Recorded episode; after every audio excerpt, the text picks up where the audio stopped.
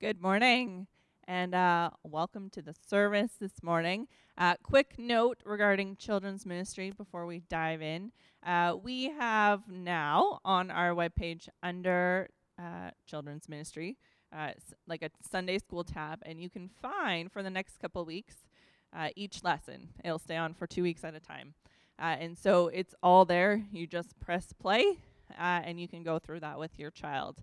Um, yeah, so we want to resource you, but we also want to support you uh, and not overwhelm you. So it's there if you, yeah, want to continue in that. Uh, let's pray and worship God this morning.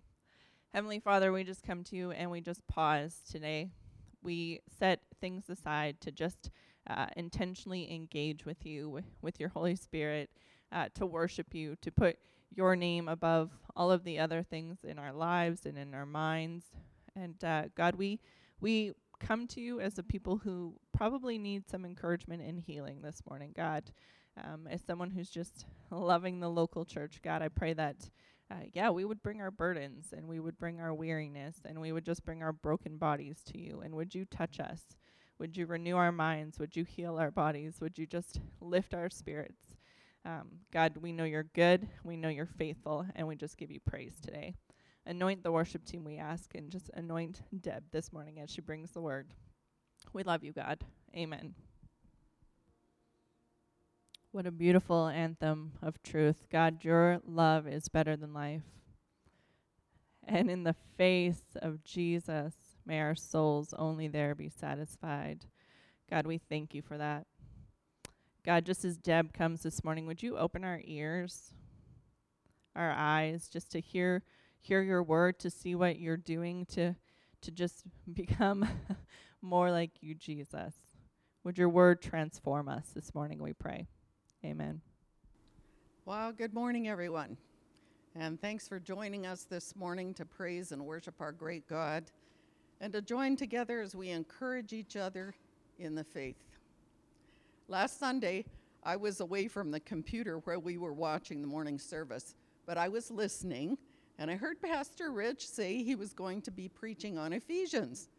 I said to myself, and obviously to the Lord who was listening in, that I'd love to preach out of Ephesians sometime.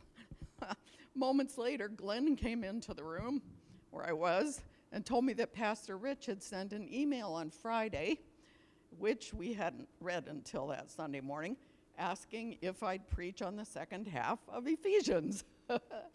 so I certainly sense the Lord was setting all that up. Amen. So here I am this morning, miraculously and prepared by the Holy Spirit to bring you a message from God's Word that I trust will bring encouragement and greater wisdom and revelation in the knowledge of our Lord Jesus Christ.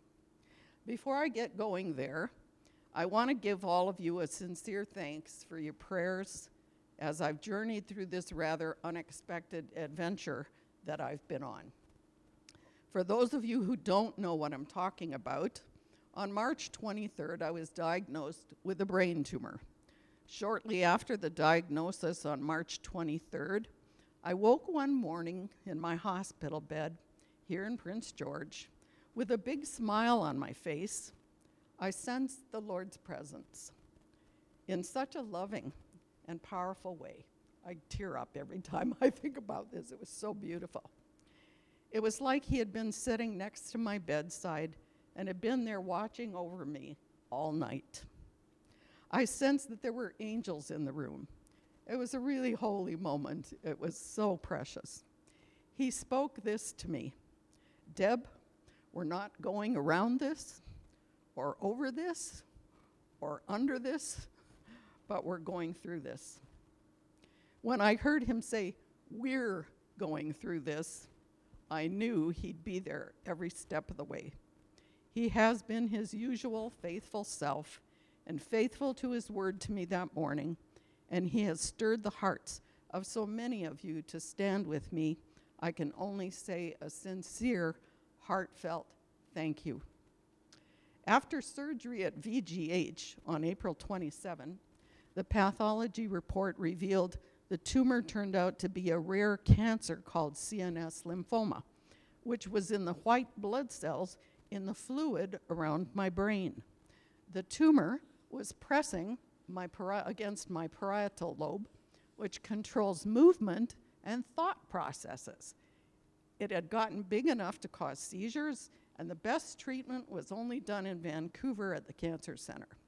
There were 10 treatments, each one keeping me in the hospital for about a week and then home a week, then back to the Cancer Center for the treatment every two weeks. I finished the last treatment on September 30. Woohoo! I can also say that the joy of the Lord has been my strength through this whole journey, and that His presence in me and with me has touched the lives of other people with whom, under any other circumstance, would not have occurred. When we let the Lord direct our steps, we can end up in some pretty interesting adventures that we would never choose for ourselves. But through them, Jesus does some pretty amazing things. He is so faithful at working all things together for good to those that love him and are called according to his purposes. And whatever we suffer now is nothing, nothing compared to the glory that lies ahead. Amen? Come on, crowd. I can't hear you out there. I hope you're saying amen. so here I am this morning after having had an attack on the part of my brain that controls thoughts and speech and motor movements. I'm actually able to preach a sermon and be on the worship team. God is so amazing. so, no weapon formed against us shall prosper, and the Lord is gloriously above all principalities and powers. We are wise to put our total trust in Him. So, if you have a Bible with you, or have a version on your phone, read with me from Ephesians 1 15 to 23. And funny enough, this morning I left my Bible at home. so I had to ask Tiff to go and grab me one. Fortunately, we have a bunch of them here in the, ho- in the uh, church. I almost said hospital. It is kind of a hospital, isn't it? We come here to meet with Jesus, for Him to touch our lives, and to uh, make things a whole bunch better. It's hard finding things in other people's Bibles.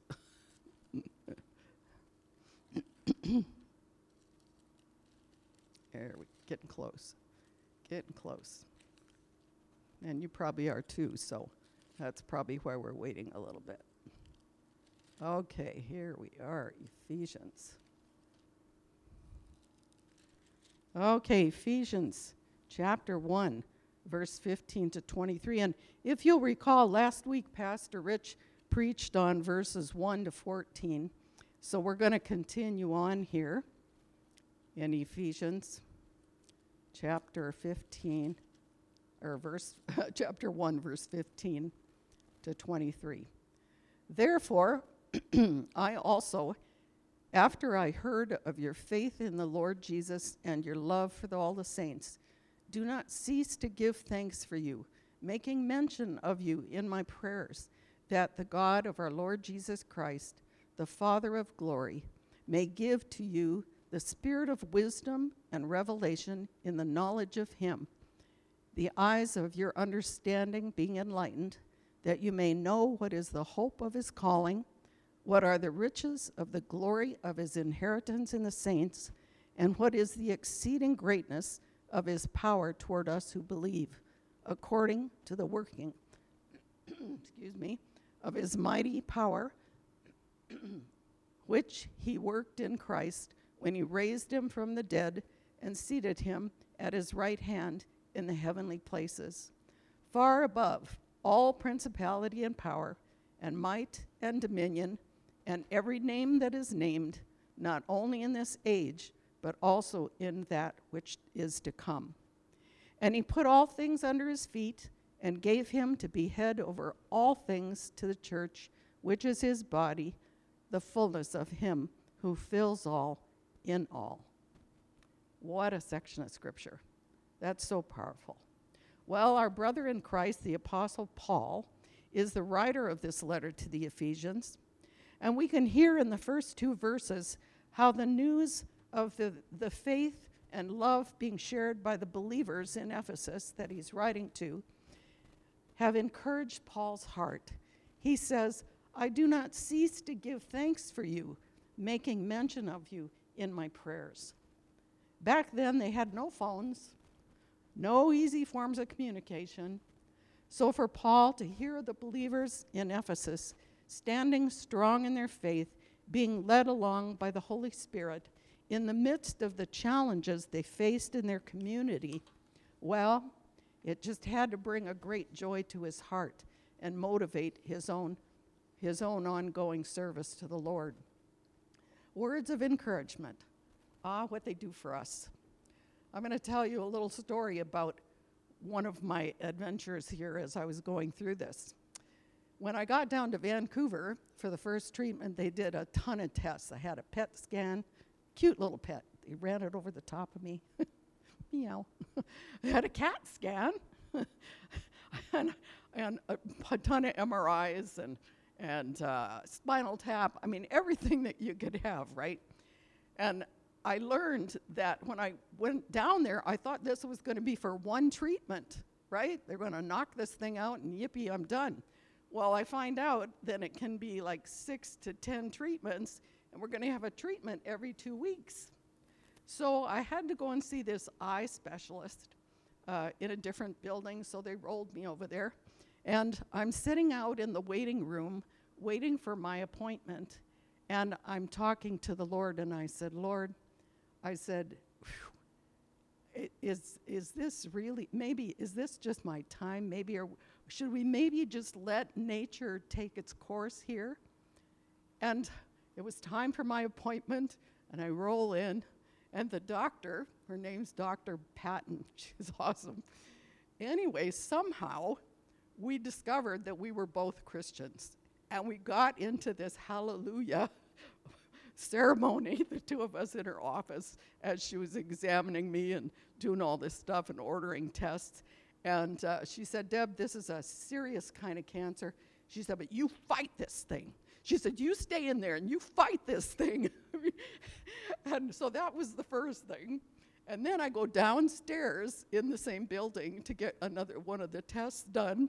And the gal who's checking me into that place, somehow we got into talking about the Lord. And she's a Christian too. And she looks at me and she goes, I had cancer 10 years ago and I'm free today. She says, You fight this thing.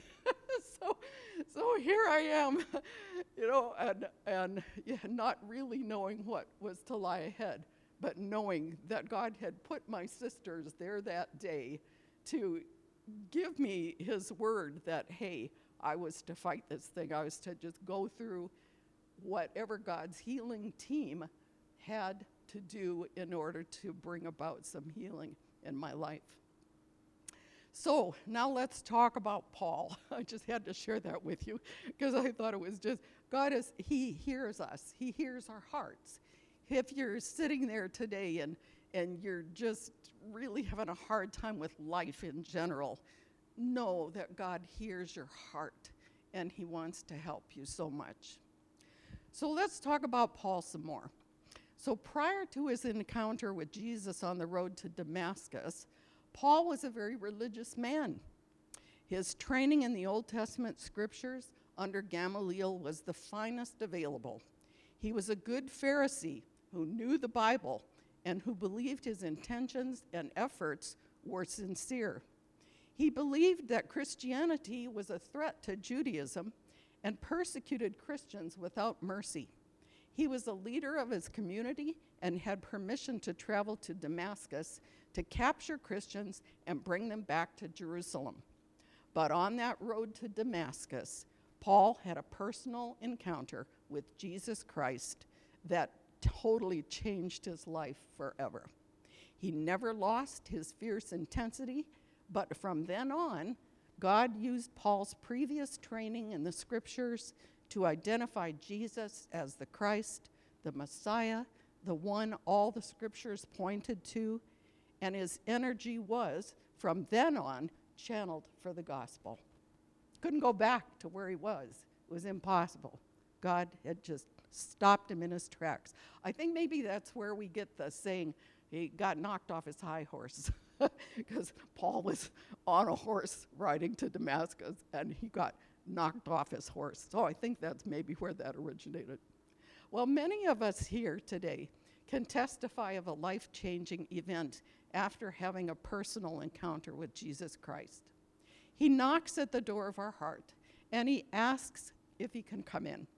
When we say yes, he comes into our lives and a glorious transformation begins. But that's just the beginning. And Paul goes on in his letter to the Ephesian believers further in what he is praying for them. It's obvious that Paul is thrilled that the Holy Spirit is continuing to build the faith of the believers there. I'll read his prayer that he prayed over them again, but this time from a different version of the Bible. Verse 17 says, I've never stopped thanking God for you. I pray for you constantly, asking God, the glorious Father of our Lord Jesus Christ, to give you wisdom to see clearly and really understand who Christ is and all that he's done for you. I pray that your hearts will be flooded with light so that you can see something of the future he's called you to share. I want you to realize that God has been made rich because we who are Christ have been given to him. I pray that you will begin to understand how incredibly great his power is to help those who believe him. He goes on to talk about how great God's power is to help those who believe in Jesus. He talks of it as being the same mighty power that raised Christ from the dead and seated him in the place of honor at God's right hand in heaven. He goes on to glorify Christ, Jesus, as being far, far above any other king or ruler or dictator or leader. He speaks of Christ's honor being far more glorious than that of anyone else, either in this world or in the world to come. He goes on to say that God has put all things under Christ's feet and made him the supreme head of the church, which is his body, filled with himself, the author and giver of everything, everywhere. And this wonderful Jesus, who loves us so much, that he took the punishment for our violations of holy laws, he took them on himself and died the death penalty for us so that we could have restored relationship with God. He wants to have a personal relationship with each one of us, regardless of race or creed or color or nationality. He loves us all. And by choice, we can be part of his body, his church, the one true global community, and live our lives with purpose and meaning. You know, running, having those doctors, the doctor and her assistant there, be there just at that time, just made, made me realize how God has us everywhere, working in whatever He's called us to do and using those things to, to develop the likeness of Christ in us. It's incredibly obvious that Paul's faith had continued to grow as he went about sharing the good news. He was changed forever after his per- personal encounter with Jesus Christ on that road to Damascus that day. And you can read about his story through the book of Acts. And I encourage you to read it because all those things that were happening in Acts are still happening today because the Holy Spirit is still working and Jesus is the same yesterday, today, and forever. And every day it says that His grace is sufficient for us and His mercies are new every morning. What an adventurous life we can have when we put our trust in Christ. I lost my place here. he goes on to talk about how great God's power is to help those who believe in Jesus. He talks of it as being the same mighty power that raised Christ from the dead. And he's given everything to Jesus, the author and giver of everything everywhere. And this wonderful Jesus who loves us so much that he took the punishment for our violations of holy laws on himself. You know, that's what sins are. When we break, uh, when we violate something in our community, we call it breaking the law. Well, if you break a holy law, it's called a sin. It's simple. but a lot of times people don't understand what a sin is. And that's simply what it is. Jesus never broke any of those holy laws. And he, when he died the death penalty, he took our sins on himself so that we could be restored in relationship with God. He was the only man, the only person who ever walked on the face of the earth who never broke any holy law. And because of that, death couldn't hold him, it had to let him go. It's like somebody being found innocent of a crime that they got put in prison for, and then they find out that there's new evidence and the person is not the guy that got arrested, and they got to let him out of jail. And death had to let Jesus go. It couldn't hold him. And now we don't have to live with the fear of death, which is the greatest fear that anybody ever faces. The what's beyond this? In Christ, we can know that we have a future. In Christ, we can know the love that is so incredible and so far beyond what we can imagine or think. He loves us all, and by choice, we can be part of his body, regardless of our race or creed or color or nationality. I love our church here. We have a lot of people from a lot of different nations that fellowship here. And it's wonderful. It's the, the only true global community you can have is if Jesus is the head of it, because we can all come into agreement with the way that he runs things. It's incredibly obvious that Paul's faith had continued to grow as he went about sharing the good news. He was changed forever. He definitely could not go back to the life he was living before his encounter with Jesus. As he went about sharing the gospel, the lives Paul touched were changed and challenged by meeting Christ Jesus through him.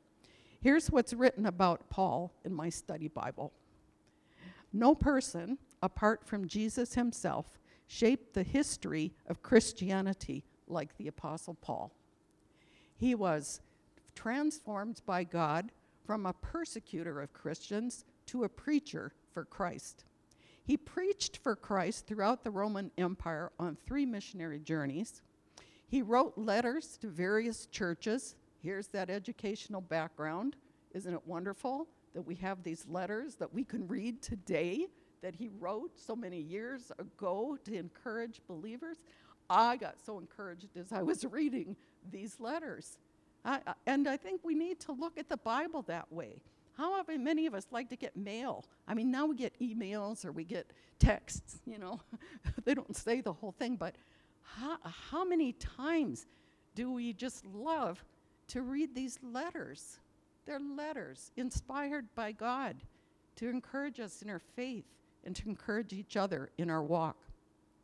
Well, he preached for Christ throughout the Roman Empire on these three missionary journeys, and he wrote letters to lots of churches which became part of the New Testament.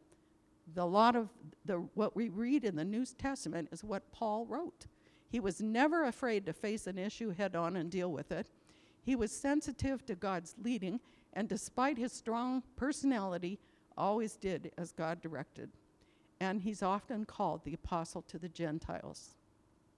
Lessons we can learn from his life the good news is that forgiveness and eternal life are a gift of God's grace, received through faith in Christ Jesus and available to all people. To all people. so if you think that maybe you wouldn't fit, you are wrong, and you need to rethink that. Please rethink that.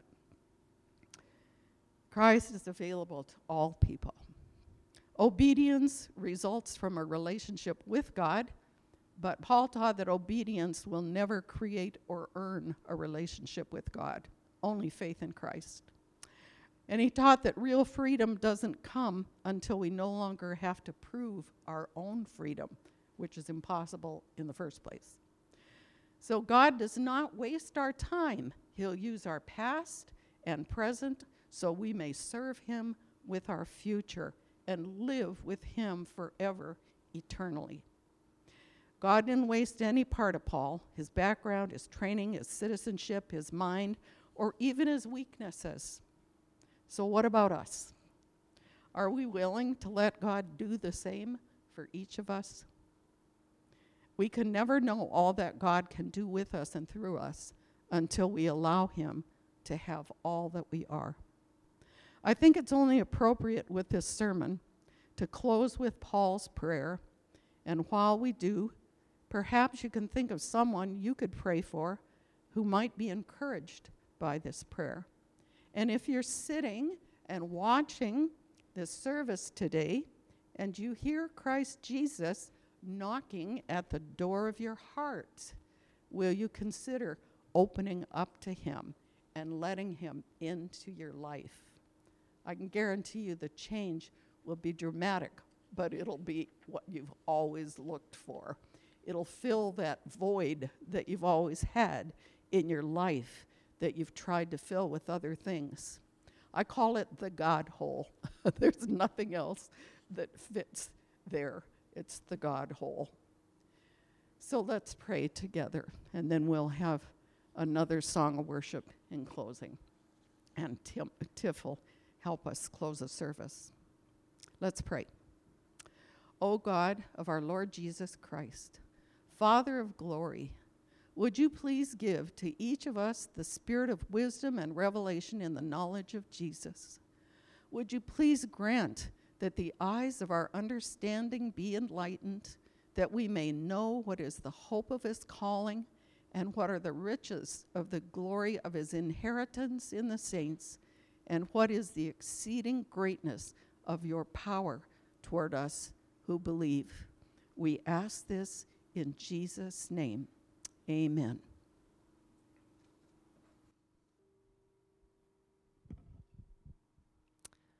Well, I don't know about you, but I hope that you're encouraged. Um, I think it's really powerful when God does something like take His word and then uses our lives and our stories to just show us how that's still being played out and how He's still at work today. And so, um, Thanks, Deb, for just sharing your story and being vulnerable and encouraging us because we need it. And uh, something that stuck out was God wastes nothing. And so I missed your faces. and I know I speak for Pastor Rich and myself when we say we love you, church. But even in this season, God wastes nothing. So, whatever you're walking through, would you let Him use it? Would you let Him redeem it? Would you give Him permission to just uh, reach people with your story, just like Deb this morning. So let's quickly pray, and then I'll release you into your day.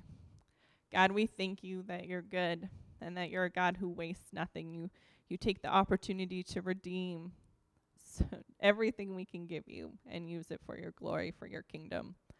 God, open our eyes to just see how you're at work around us and to step into your story, to partner with you in the work you're already doing. And God, today, we just think of our community and we think of, um, yeah, we just want to acknowledge that we know it's Halloween, God, and, and that we all have so many different convictions and feelings about what that means for each of us personally. But God, would we just choose to be a people of love today? Would we love you, Lord? Would we love our community, however that looks for each of us individually? And would we live that out well? God, we just pray a blessing and a protection over our children and our youth tonight. And Heavenly Father, we know that you love them more than us. And so we trust you with that. In Jesus' name, amen. Amen.